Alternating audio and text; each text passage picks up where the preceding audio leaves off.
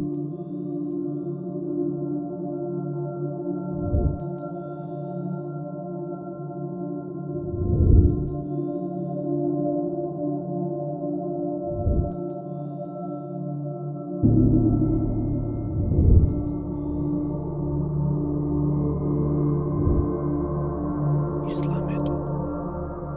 Dragi naši pratioci Islamedu podcasta i cijele naše platforme, dobrodošli u još jednu epizodu. Ono što ste navikli od nas jeste set različitih tema, set različitih profila gostiju. Ovaj put sa nama profesor dr. Midhat Jašić, redovni profesor za naučnu oblast nutricionizma na Univerzitetu u Tuzli. Poštovani profesore, assalamu alaikum i hvala vam što ste se odazvali na naš poziv. Alaikum selam i počastvan sam da participiram u ovoj vašoj emisiji. Gledajući vašu uh, biografiju, evo da tako kažem, evo, jednostavno lik, lik i dijelo, puno je tamo i referenciji, puno je vaših aktivnosti bilo uh, uh, i to uvijek nameće problem oko odabira jeli, uh, pitanja i tema i tako dalje i kako da to sažmijemo u, jeli, u jedan evo, evo ovaj naš format koji, koji težimo da, eh, da predstavimo javnosti i tako dalje. No evo ono što nas interesuje jeste struka, a i one teme jel, koje mi češće pro, provlačimo. Prije svega, e, dakle, govorimo o pitanju ishrane, pitanju prehrane i tako dalje. Eh, počet ćemo odmah sa tom nekom religijskom crtom, u ovom slučaju, jel, kada je u pitanju religija islama. Čini se da je kreirana neka percepcija da je po pitanju evo, israne kao i neki drugi stvari u religiji islama akcent stavljen na, na zabranama. No stvarnost jel, pokazuje da je to mnogo da je to u stvari drugačije. Interesuje me kako vi iz svoje struke gledate na, tu, na taj utjecaj religije, u ovom slučaju islama, kada je u pitanju način israne. Evo, interesuje nas ta neka vaša zapažanja iz vašeg ugla. Evo, stare generacije, evo, poput moje i još starije, bila, bila, je, bila je prehrana, a halal prehrana je bila puno jednostavnija i posve je lako bilo reći, evo, muslimanima, je, muslimanima nije dozvoljeno to, a dozvoljeno je to. A, tako, na primjer, djeca moje generacije znaju da je muslimanima nije bilo dozvoljeno alkohol i svinsko meso i na to se svelo, jer nije u to vrijeme, znači 50. i 60. godina, nije bilo puno prehrambenih proizvoda. Čak i u prodancu kad uđete 50. i 60. godina, bila su 3 do 5 artikala koji su prehrambeni artikala koji se industrijski koji se prodavali, ulje se prodavalo na na flašu, crpilo se iz bureta. Ova bombone su bile u posebnim galonima za prodaju bombona, u rifuzi su bile. Čokolade 60. godina gotovo je bila vrlo, vrlo rijetko se prodavalo u prodavnici.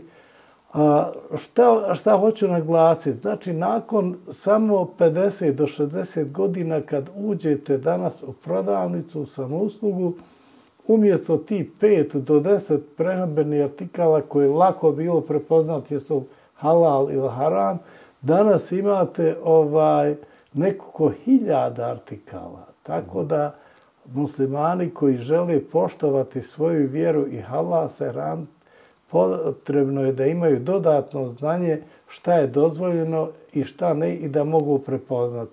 I zbog toga u svijetu je posljednjih godina razvijen ovaj trend standardizacije halal proizvoda i označavanja uh -huh. na ambalaži halal proizvoda, tako i u Bosni i Hercegovini je i kod nas uveden taj sistem i ono funkcionira već 15 godina, tako da vjernici islamske vjeroispovijesti mogu prepoznati proizvode koji su im dozvoljeni.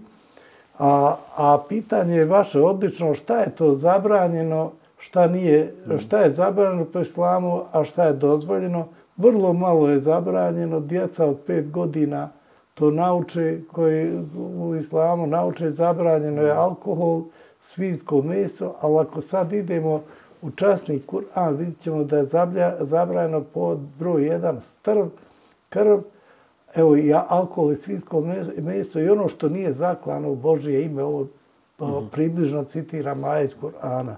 Tako da je e, zabrana evo strvi krvi u, postala e, zanimljiva u posljednjih 20 godina zbog toga što se i alkohola naravno zbog toga što se ovi proizvodi mogu projaviti u nekoj skrivenoj formi u prehrambenim proizvodima.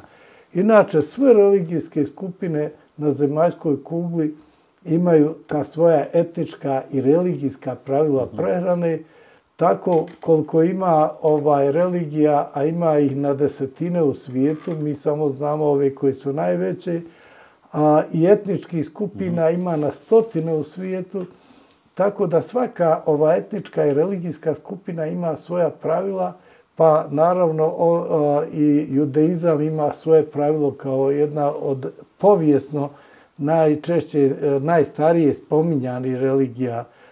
Ona ima svoju košet prehranu u kršćanstvu, evo pogotovo sad u tokom mjeseca decembra su ovi kršćanski praznici i mhm. oni tačno znaju kad im počinje post, kad se završava, znači 40 dana prije Božića i tako dalje je započeo post i šta je dozvoljeno, šta zabranjeno.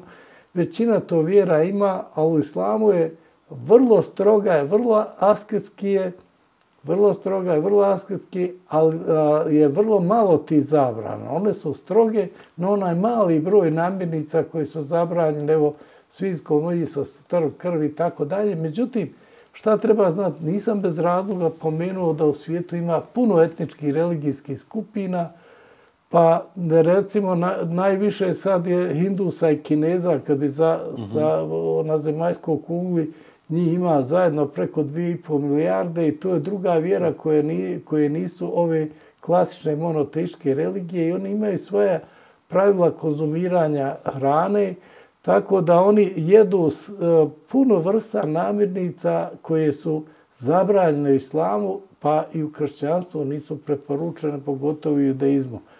Tako da, ko ide u Kinu, uh, imaće, recimo, južni dio Kine, evo, često je to i medijski afirmirano i kinesi se sad sami bore protiv toga, jedu meso psa, na primjer, jedu meso u principu životinja, svi vrsta gotovo životinja da jedu, da nije, ne postoje kod njih zabrane, jel? kao što su recimo i u islamu i u judaizmu i kršćanstvu na ovim vjerama na putu knjige, ali isto tako ovaj, brojni južnoamerički narodi konzumiraju i ove čak i žive organizme. Bio sam u, u recimo u Japanu prije 20 godina.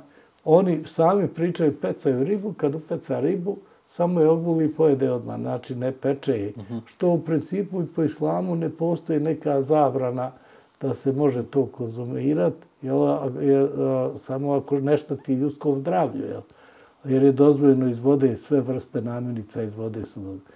Tako da je jednostavan odgovor na ovo pitanje. Mali je broj zabrana, ali modern način života i moderne tehnologije su usložnile tu je zabrane i zatijevaju od eh, o, svi vjernika da i oni koji poštuju halal prehranu, da znaju prepoznat u prodavci šta mu je haram, šta je halal.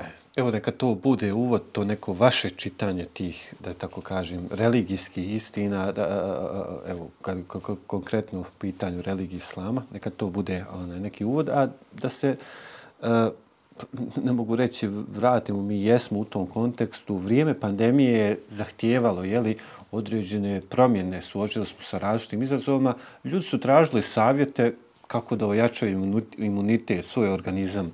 Ono što uh, želim vas pitati jeste koji su vaši savjeti bili i koliko je pandemija uh, promijenila te navike ishrane? Evo. To je dobro pitanje. Mislim da, uh, da je rađeno mnoštvo radova na tu temu jer se uh, lifestyle, životni stil se promijenio za posljednje dvije godine, nešto malo manje od dvije godine, promijenio se životni stil svih ljudi na zemaljskoj kugli, tako da ovaj, a u okviru toga i prehrana se promijenila, pogotovo kod osoba koje su ostale da more da budu izolaciji, da budu u kući, ali osoba koje su u bolnici, čak i bolnička prehrana je zativala korijenite promjene i, i način ishrane. Ali ono što je treba znati u pandemiji, o imunom sistemu, ja ću možda pojednostaviti, pa ću mm -hmm. nama, našim cijenim gledalcima, to pojasniti. A, a, pandemija COVID-19 je zatijevala i pojednostavljenje i bolje objašnjenje šta to čini imunni sistem čovjeka i koje vrste hrane treba konzumirati da bi, a, da bi e, se na neki način oduprli toj bolesti, da bi smanjili štetne efekte, jer da se razumijemo, lijek za COVID-19 još nije pronađen. Jedini, jedina efikasna metoda je naravno je cijepljenje, još uvijek je cijepljenje, vakcinacija, ali e, neki sastojci hrane mogu pomoći da se lakše organizam odupre a, virusu. Poznate su mnogi antivirusne tvari iz hrane, ali evo, ja ću, ja ću spomenuti da pod broj 1 ićemo, krenut ćemo od usta i probavnog sistema čovjeka, jer je to prvi kontakt hrane i, i, o, i imunog sustava čovjeka.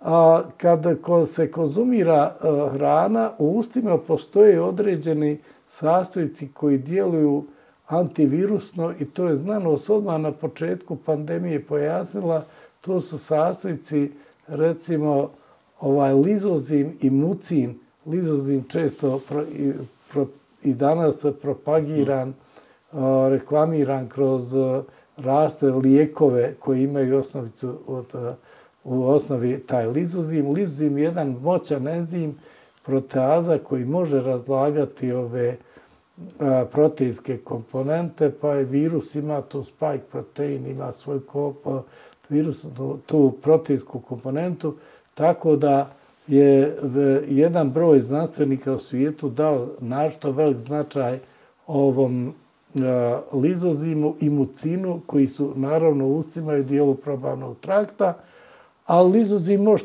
može se njegova u nekim um, medikamentoznim formama kupiti u apoteci. Nadalje, ako gledamo probavni sistem, uh, šta je još nas štiti od virusa? Znamo da je u želucu pH vrijednost uh, vrlo uh, niska i ona je 1,5-2 kod mlađih osoba kao kod vas, na primjer. Kod mene je malo veća, 3 do 4 jer sa starošću se ta pH vrijednost smanjuje i gubi se naravno i imunitet. Ali evo, u kontaktu sa tom vrlo niskom pH vrijednosti u želcu, većina bakterija pa i virusa na neki način a, a, budu a, inaktivirane i izgube sposobnost daljeg raznožavanja, pa tako je ova pH vrijednost izvrstan zaštitnik u čovjek, štiti e, ljudski organizam. Sljedeći dio imunog sistema koji je također u probavnom traktu je sad promjena te pH vrijednosti kada crijevni sad, odnosno probavni sadržaj kad izlazi iz želuca pa ulazi sad u crijeva u 12. palašnoj tanko crijevo, ta pH vrijednost se mijenja pod utjecajem karbonata i žučnih mhm. -huh. soli.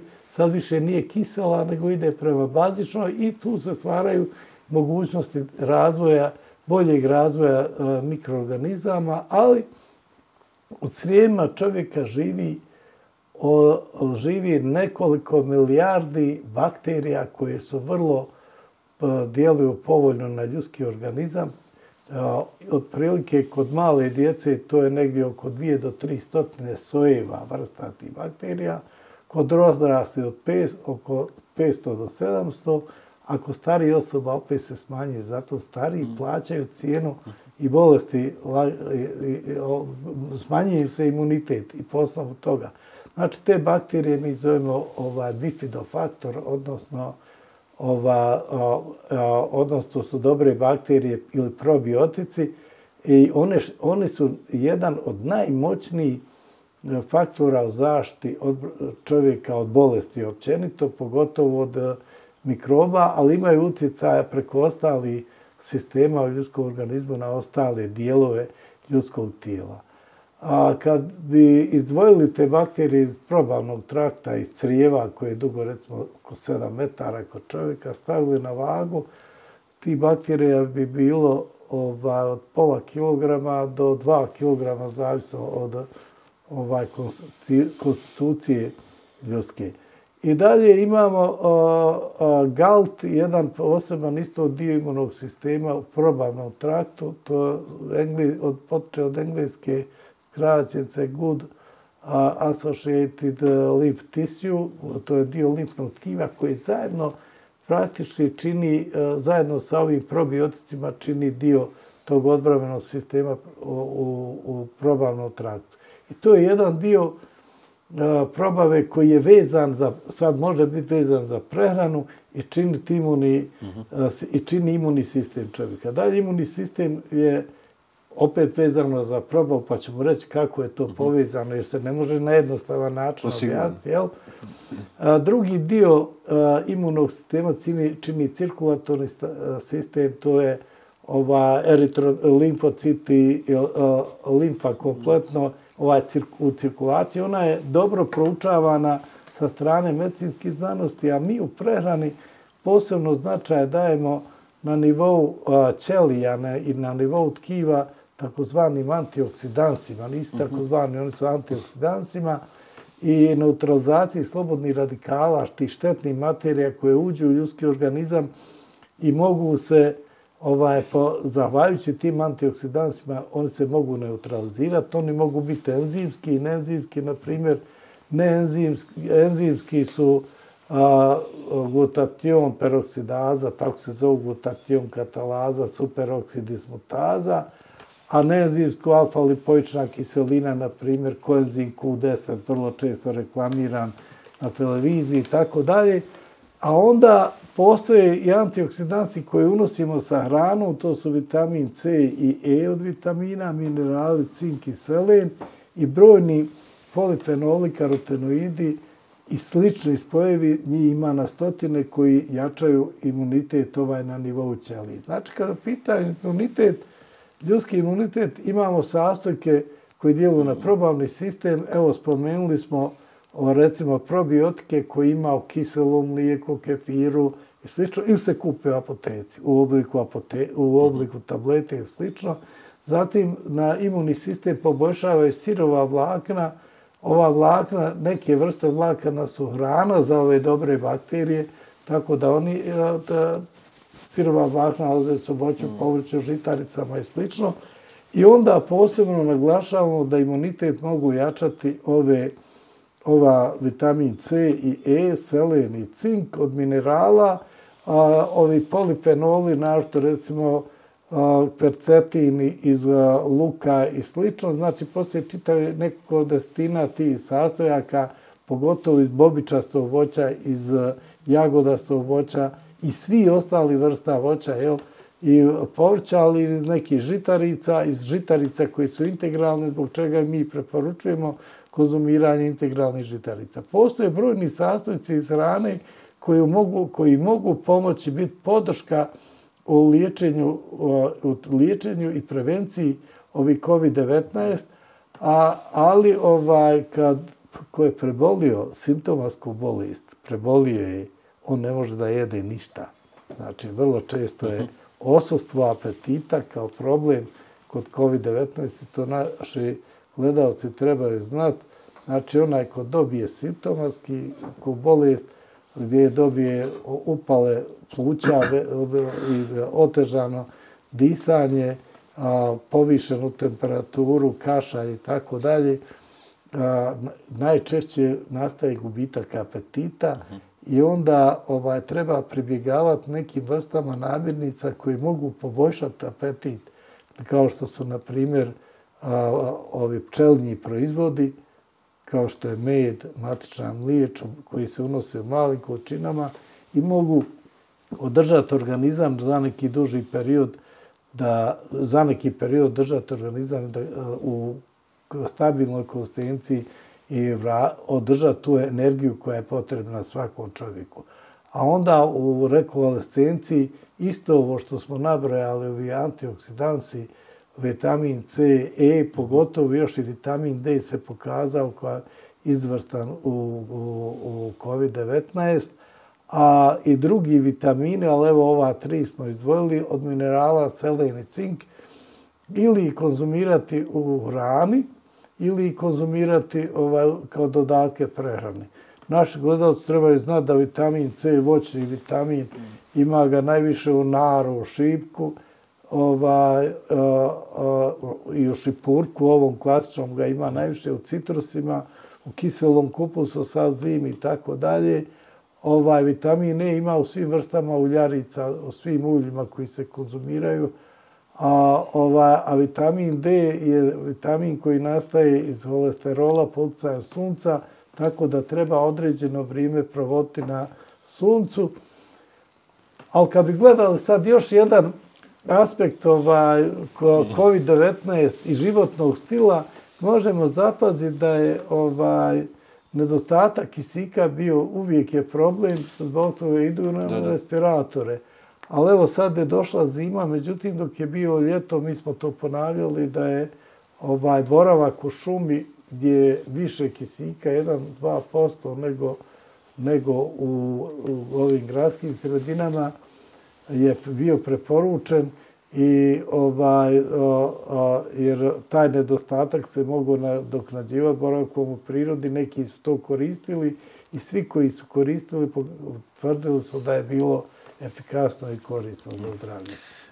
I ovo je jedna od važnijih tema, zato sam, a, iako nemamo mnogo vremena, pustio sam da nabrojite toliko mnogo stvari koje su tako, tako bitne, a na kraju, evo i u našem kontekstu, nameće se neki, e, vidi se u stvari i po tome koliko je čovjek sam a, i na tjelesnoj bazi jedan veliki a, kosmos i koliko ga u stvari, koliko u, u, u tom kosmosu izvan njega ima toliko mnogo onoga to, to ćemo koristiti i tako dalje i tako dalje. Pored naravno spomenuli ste e, vakcinacije. Dakle, govorimo o tome kako se promijenil, e, promijenio i način, e, živo, način života u pandemiji. Interesuje me sljedeće, ako možemo o tome govoriti da se e, e, e, da način života oblikuje način ishrane, možemo li govoriti da ishrana oblikuje neke životne navike? Znači, ishrana je dio životnog stila i treba znati da taj životni stil e, ima najviše utjecaja na zdravlje. Kakav mi životni stil preporučujemo? Životni stil gdje će se smanjiti razina stresa, jer stres je naj, a, najjači okidač za sve bolesti koje danas dolaze. I stres je proučavan posljednjih deset, deseta godina i znanstveno, jako mnogo, tako da postoji puno ti oblika stresa, hemijski stres i fizički stres, pa postoji dobri stres, eustres, distres, a, tako da, da naši gledalci bi trebali znati da, e, da se savjetovati e, i pronalaziti svoje vlastne metode i metode koji su priznate da kako da izbjegavaju stres. Najbolja metoda za izbjegavanje stresa je fizička aktivnost.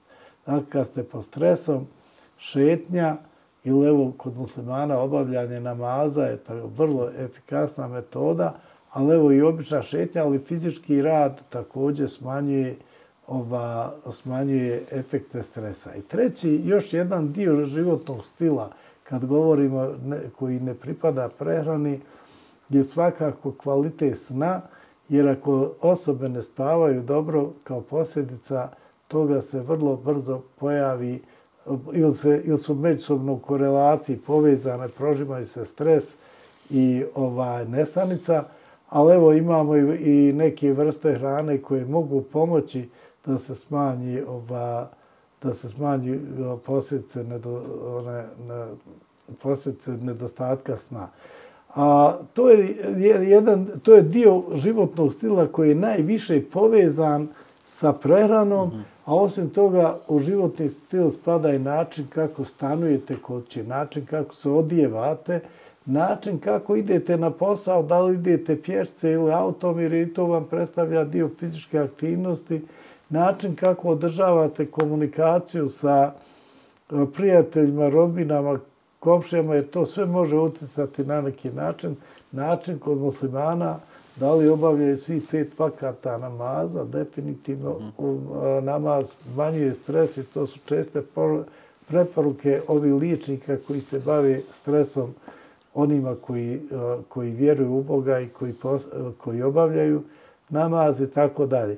I tek kad smo ova tri faktora fino sredili, dakle, stres, dobar san i fizičku aktivnost, ako to imamo uravnoteženo dnevno, onda možemo da govorimo o pravilnoj prehrani i konzumiranju dovoljnih količina, prije svega vode, konzumiranju dovoljnih količina voća, najmanje pola kilograma dnevno raznovrsnog voća, zatim ovaj konzumiranje dovoljnih količina proteina, proteina pogotovo mlijeka, mesa, jaja, neki vrsta voća kao što je orašasto voće ili neki vrsta povrća kao što su grahorce, leguminoze, a onda nek, ne, određene zabrane koje nisu religijske, uh -huh. ali koje mogu poboljšati zdravlje.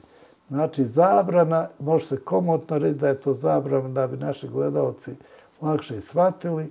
Za dobro zdravlje mi ne preporučujemo konzumiranje većih količina namirce koji sadrže šećer, kolače, kekse, osvježavajuća pića koji sadrže šećer i tako dalje, jer oni su jako asocirani sa i hipertenzijom i diabetesom i drugim bolestima.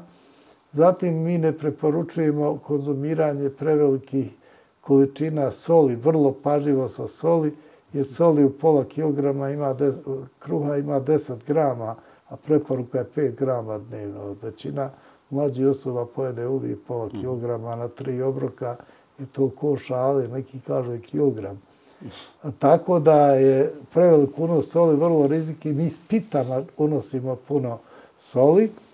Za, a, I a, recimo i nekim vrstama tjestenina, ta, a, sa, sa nekim vrstama sireva, sa suhomesnatim proizvodima i tako da je s tim vrlo oprezno i treba paziti koliko dnevno soli se unese, bez obzira da li uživamo u jelu i piće ili ne. Zatim, ovaj, a, prekomjerno konzumiranje bijeli masnoća, a, masnog mesa, suhomesnati proizvoda koji sadrže veće količine masnoća također možemo reći da nisu preporučene i posebno proizvoda od bijelog brašna, naš, evo je smo spomenuli kruh, ali evo i pite i tjestenine su svakodnevno nama u, u prehrani i tako da. Tako da imamo neke zabrane, one nisu vjerske, ali ako bi islam uzeli i te, uzeli neka ne, ne, Mjera. mjere kao mjere, Mjera. znači kao balans, jedite i pite, ne pretjerujte,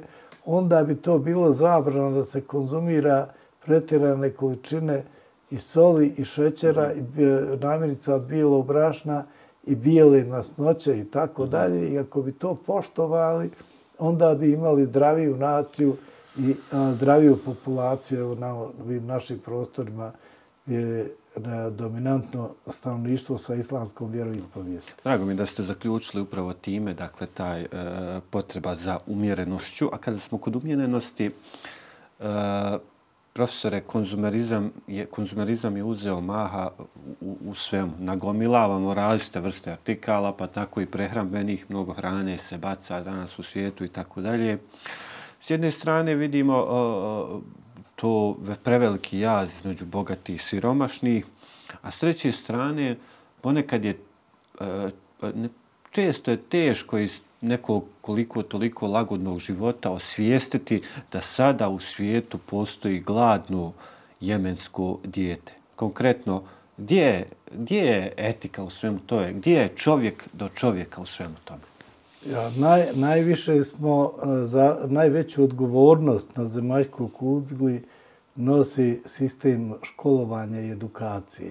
Znači ono što bi trebale sve visokoškolske, srednjoškolske, osnovne škole je obdanište da njeguju jedan pojam koji je prisutan u svim religijama, ne samo u islamu, a zove se humanizam. Mhm. Znači human odnos prema drugim ljudima, one svugdje postoji i postoji potreba čovjeka da bude human. U istinu, ne da bude zao, možda je a, plemenitija i važnija je potreba za tim humanizmom, međutim mi ga nismo njegovali. Mi smo kroz škole učili ovaj svjetske ratove gdje je nasilje i dan danas i vijesti i mediji na nasilje ne da se promovira, nego se predočava stanovništvo i na, po toj osnovi se dobije predožba u okruženju. Znači, prva stvar koju, koju, koju bi trebalo njega, njegovati taj humanizam i razumijevanje onog drugog eh, kojima je naša pomoć potrebna. E, to je naj, najbolji način i najmoćnije oruđe je edukacija kroz škole. To nije ugrađeno humanizam kao pojam, ne postoji ni u jednoj, ni jednoj a, ni jedna metodska jedinica da je razradila, niti je, niti je nikod, ono što ja bar znam ne postoji da ga je tako do, da ga je razradila, da bude masovna pojava, masovna potreba i masovno programiranje, planiranje edukaciji od tokom cijeloživotnog učenja.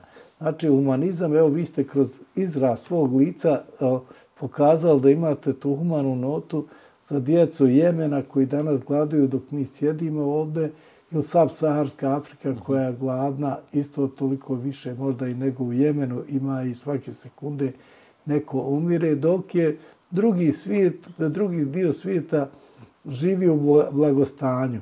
Međutim, ima neka, ne, neka sudbina koja daje sličnost izo, da obilje ne donosi blagostanje ni sreću.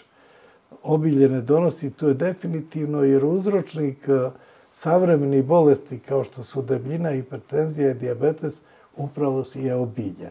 Obilje, ono čega imamo viška, I kad bi se ta raspodjela napravila na nekoj humanijoj osnovi u svijetu, ne bi bilo vladi.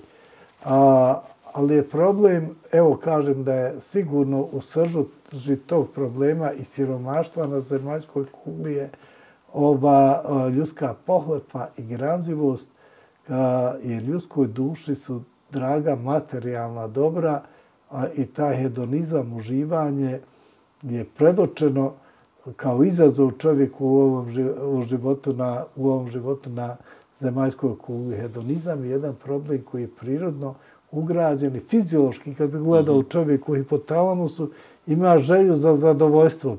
I ta želja za zadovoljstvom je jedna od košnica da čovjek bude human, a, a, druga, a drugi problem je definitivno edukacija, nedovoljno u obrazovanju uključena potreba za karitativnim radom, za humanizmom, objašnjeno šta to znači, ovo što ste na početku rekli, šta znači za vas ako pomognete nekom drugom, to je najveća nagrada za one koji vjeruju u Boga na onom svijetu, ako se drugome spasio život, ako je gladan ili ako si mu pomogao na bilo koji način, to je najveće zadovoljstvo koje može ljudska duža osjetiti na ovoj, u ovom životu kad si nekom pomogao i da zna. Mislim da treba o, o, to vra, o, vratiti negdje u sve oblike edukacije potrebu za humanizmom, jer cijenu nepostajanja edukacije humanizmom mi, smo, mi plaćamo kroz ratove, kroz glad, kroz neravnopravnu podjelu na zemaljskoj kugli. Ali evo, ne donosi samo novac i bogatstvo ne donosi blagostanje, nego donosi bolesti od povećane tjelesne mase, hipertenzije, visokog krvnog tlaka, diabetesa. Oni koji su siromašni gotovo da nemaju ovih bolesti. Znači, zanemarive su, oni boluju od zarazni i slični i umiru od toga jer im je oslabio imunitet. Da, da. Vidimo koliko tu ima uh, spojenih posuda, da tako kažem. Baš Evo, tako. Čini mi se da u nekom sistemu obrazovanja danas uh, kao da se više posvećuje pažnja e, načinima kako doći do novca, kako doći do tog obilja, do tog blagostanja, naspram onoga što ste vi kazali, u stvari taj akcenat na humanizmu. A kada smo već evo i kod etike, tog, mm, i kod tog moralnog odnosa i tako dalje, e, dotakli ste se u jednom segmentu ishrane e, u našoj evo tradiciji. Kakva je etika odnosa prema hrani ishrani u, evo, u, našoj, u našoj tradiciji? Pa evo ovde, ove, mi svi znamo kako smo vaspitavani mm -hmm. vezano za odnos prema hrani. Evo, ja mogu reći od prije 50-60 godina da postoji puno ti običaja koji su razvijali kult hrane, poštivanje hrane. Od toga da ovaj kako kod muslimana je to posebno, od toga kako sjediš za vrijeme obroka, koliko konzumiraš šane količinski, a, kako je poštivanje prema onom dijelu namirnice koje ne možeš pojesti šta s tim namirnicama a, a, i to je taj običaj postojao i danas postoji u nekim ruralnim područjima da u simbiozi žive i ljudi i životinje, da su uvijek su višak hrane da ovo a, drugim životinjama, po, ovim domaćim životinjama, ali evo da je bilo poštivanje a, i ove mrva, komadića, mhm. kruha, nisu djeca smjela slučajno sjest na komadić kruha jer se bojale, e, nisu prestrašivani, se bojali i znali su da to nešto nije u redu. Ako neko nije, evo ja sjećam iz svog djetinstva, kada neko od mog društva nije mogao da pojedeš ni tu kruha sa pekmezom, pa je evo, evo i ne može dalje jer mu bilo, predozirao mhm. se, onda je on poljubio taj ljeb i ostavio. Takva je bio običaj, evo, sjećam se toga, mo, mo, možda neke osobe koji gledaju ovo, možda će sebe se isjetiti da je to tako. Još uvijek naša obaveza da razvijamo taj etički dio kulture prehrane, jer bacamo negdje oko 500 do 600 kg otpada, prehranog otpada po domaćinstvu se baca svugdje na zemaljskoj kugli i to bacanje otpada a, je dio našeg načina života i poštivanja te hrane i tu je jedan ogroman problem usred ove globalizacije a, nestalo je nekad i ovi vjerski običaje i ovi moralni koji ste mhm. spomenuli roditelji često ne prenesu na djecu pa kad uči hemiju i kad uči ovaj, biologiju i slično hrana se svata kao obična materija koju koristi za energetske potrebe za gradnju organizma, ali ne vide ničeg svetog u toj rani. Kroz vjeru to treba naglašavati da je rana na neki način a, a, dio svetoga u ljudskom životu, da je to Bog poslao čovjeku da bi, da bi, mu, da bi preživio, da bi živio, preživio da bi bilo zadovoljstvo u ovom životu. Svako bacanje rane na, na neki način nije drago nikom, pa ne može biti ni Bogu biti drago. Jel? Iz, iz svega onoga što ste kazali e, prije ili zbog svega onoga što ste kazali prije u našem razgovoru, u stvari upravo to govori o, o tome šta je hrana, kakva je to pozicija, pozicija hrane. E, s obzirom da ste vi bili u, evo i e, dali ste veliki doprinos razvoju agencije za halal certificiranje i tako dalje. E, što se tiče halal standarda u svijetu, evo možete nešto kazati o toj poziciji ili o kakvim sve prednostima halal ishrane e, možemo govoriti? Pa evo, Bosna i Hercegovina je definitivno bila ovaj vodič, lider u svijetu u standardizaciji halal hrane. Na početku su mnogi smatrali dovoljno su izvori islama, časni Kur'an, hadis, iđma, kijaz, dovoljno je i oni koji poznaju a, poznaju dobro ovaj osnove izvore islama da mogu da tumače i a, hranu i prehranu općento na tim osnovama. Međutim, pak, zbog onog na početku što smo rekli, usložilo se više, mhm. nisu tri proizvoda na pitanju, su hiljade proizvoda, tehnologija se usavršila i onda je potrebna bila neka sinergija između a, moderne znanosti o rani, prehrani, medicine, farmacije, slično, jer imamo i halal lijekove, između ostalog halal mhm. kožu koji ne padaju prehrani i tako dalje. I onda se pojavila potreba da se to sve jednim dokumentom, a na bazi izvora islama, i na bazi moderne nauke da se to dokumentima a, objasni kad je nešto halal, kad haram i kako se dokazuje. I to smo mi uspješno zadnjih 15 godina uradili. Sad je na, svjetskom, na svjetskoj razini su formirani, kad smo mi počeli, toga nije bilo.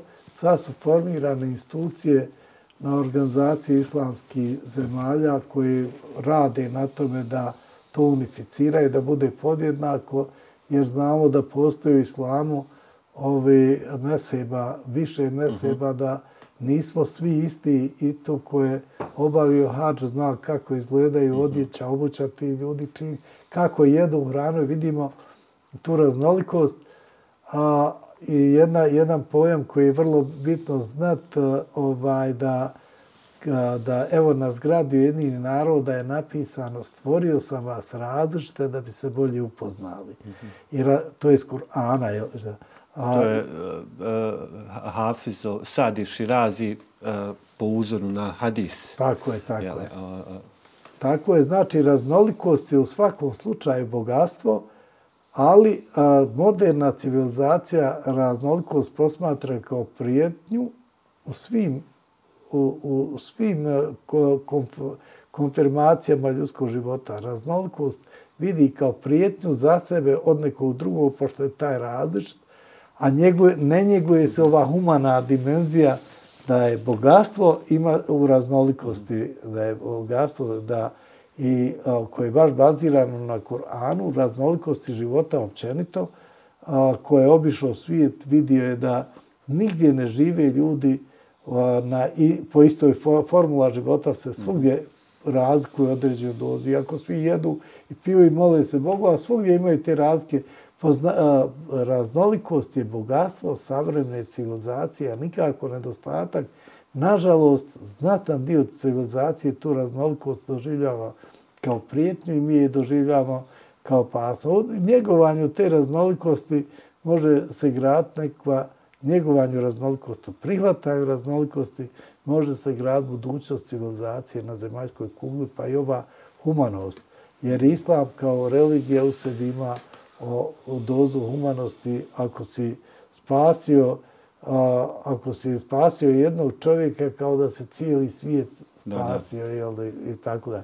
Tako da je, da, da je evo vezano za ovu raznolikost, ona je prisutna u svemu i da to na neki način i naša budućnost je ta raznolikost, iako globalizacija koja je prisutna zadnjih 20 godina izjednačava životne stilove, način prehrane, način stanovanja, isto živi u Pekingu i u Njurku, iste su zgrade, slične stanove, slična odjeća, obuća, na neki način se unificira. Jedna od naših obaveza ove generacije je da čuvamo dio te svog kulturno povijesnog nasljeđa za buduće generacije da bi oni mogli uživati ono što je kod nas dobro. Ako, i to je jedna, jedna od opasnosti za zemaljsku kuglu, jer može nastati usled globalizacije, nastaje unifikacija načina života mm -hmm. i zaboravlja se prošlost. Zato mnogi ovi razvijene zemlje danas finansiraju očuvanje kulturno povijesnog nasljeđa, bilo u prehrani, bilo u ostalim sferama života. Ali opet da ponovimo, raznolikost je jedna opasnost za negativni ljudski um, jer on u toj raznolikosti vidi za sebe da je za njeg opasnost da postoji, a ne vidi nikakvu jednu prednost koju može poboljšati punoću i zadovoljstvo života. Kao što ste skrenuli pažnju, Kur'an jest upravo otvoren sprem tih raznolikosti i na tome treba potencirati. A kada govori o globalizaciji, Amin Maluf je govorio da zajednice, iako jeli, dolazimo do nekog unifi, stadija unificiranosti, da zajednice jednostavno imaju potrebu da istaknu te svoje razlike. E, počeli smo važnim temama, završavamo važnim temama i puno je onoga što smo mogli dalje nastaviti, no evo, neka, neka, neka stane u ovaj naš format. Nadam se da će biti od koristi e, onima koji budu e, pratili e, koji budu pratili nas, a i koji će nastaviti pratiti evo i vaš rad. E, profesore, hvala vam mnogo. Hvala evo i našim cijenim gledalcima i vama što ste mi dali priliku ovako da možemo da razgovaramo o jednoj važnoj životnoj tematici. Bilo nam je zadovoljstvo. Dragi naši pratioci, bila je to još jedna epizoda Islamedu podcasta. Sa nama je bio profesor dr. Midhat Jašić. Do narednog puta predlažite nam, sugerirajte, ostavljajte komentare i eselamu alaikum.